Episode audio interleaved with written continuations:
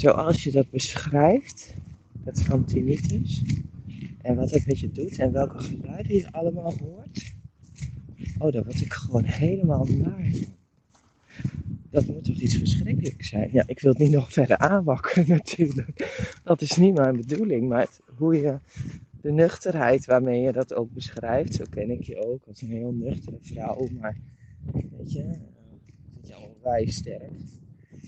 Uh, maar dat je daarin dus gewoon ook zo nuchter al die geluiden kan beschrijven, die, die, die echt gewoon de meest vreselijke geluiden zijn in je dagelijkse leven, wil je daar al zo snel mogelijk vanaf. Dat is niet voor niks dat ze een fluitketel hebben ontwikkeld. Dat daar een fluitje op zit, wat je onvoorstelbaar irriteert, waardoor je meteen uh, de pit uitdraait. Uh, of uh, uittikt, zeg maar. Dus als je dat dan een soort van in weliswaar golf, golfbewegingen, maar continu in je hoofd hebt of hoort.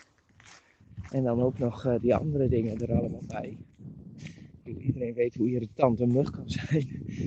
ja, ik vind het wel mooi hoe je dat uh, ook zo praktisch kunt beschrijven, omdat dat ook iets doet met de uh, intensiteit van wat tinnitus inhoudt. En daarmee zou ik me kunnen voorstellen dat mensen die dat hebben, zich ook gezien en gehoord voelen op dit stuk. Omdat het zo gek misschien is ook wel om het te beschrijven. Uh, omdat het misschien ook wel gewoon heel gek klinkt. Maar dat is dus helemaal niet aan de orde. Het is goed om te, uit te spreken hoe je het ervaart. En dan uh, misschien ook weer wat meer zicht op te geven. Van ja, wat is dat nou? Wat houdt het nou in? En ja, dat het verbonden is met energielevels ja, dat geloof ik meteen, want als het hard is, dan heb je dus volgens mij ook helemaal nergens zin in.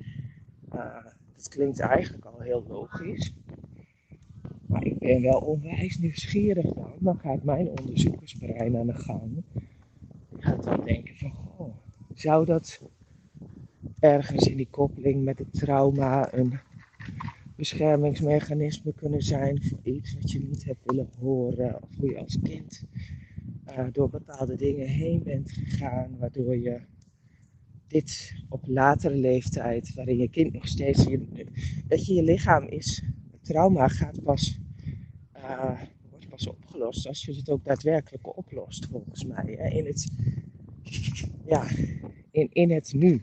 Dus uh, onbewust blijft trauma hangen. Bij je onbewuste kan je natuurlijk niet sturen. Um, maar in het nu, door je bewust te worden dat er bepaalde onderbewuste dingen zijn, zou het kunnen dat je daar iets in uh, doet of heelt. Waardoor het mogelijk ja, ergens een plek kan krijgen of zo. Het zijn natuurlijk van die rotzinnen. maar ja, dat noem ik hem maar. Want ik, ik moet dan echt, ik denk het komt niet zomaar ergens van. En ik vind het zo ingewikkeld dat onze medische, uh, ja, intellectuele experts uh, zeggen, het kan niet meer overgaan. Dus ik voel helemaal met jou mee op het moment dat jij zegt, nou dat wil ik eerst zien en dan geloven.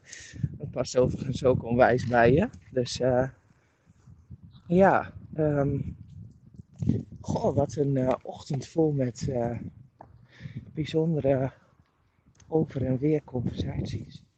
Dankjewel voor jouw openheid. Ik waardeer dat ontzettend.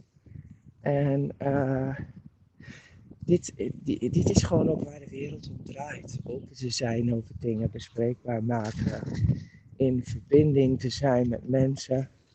Om het hier ook samen eens even over te hebben.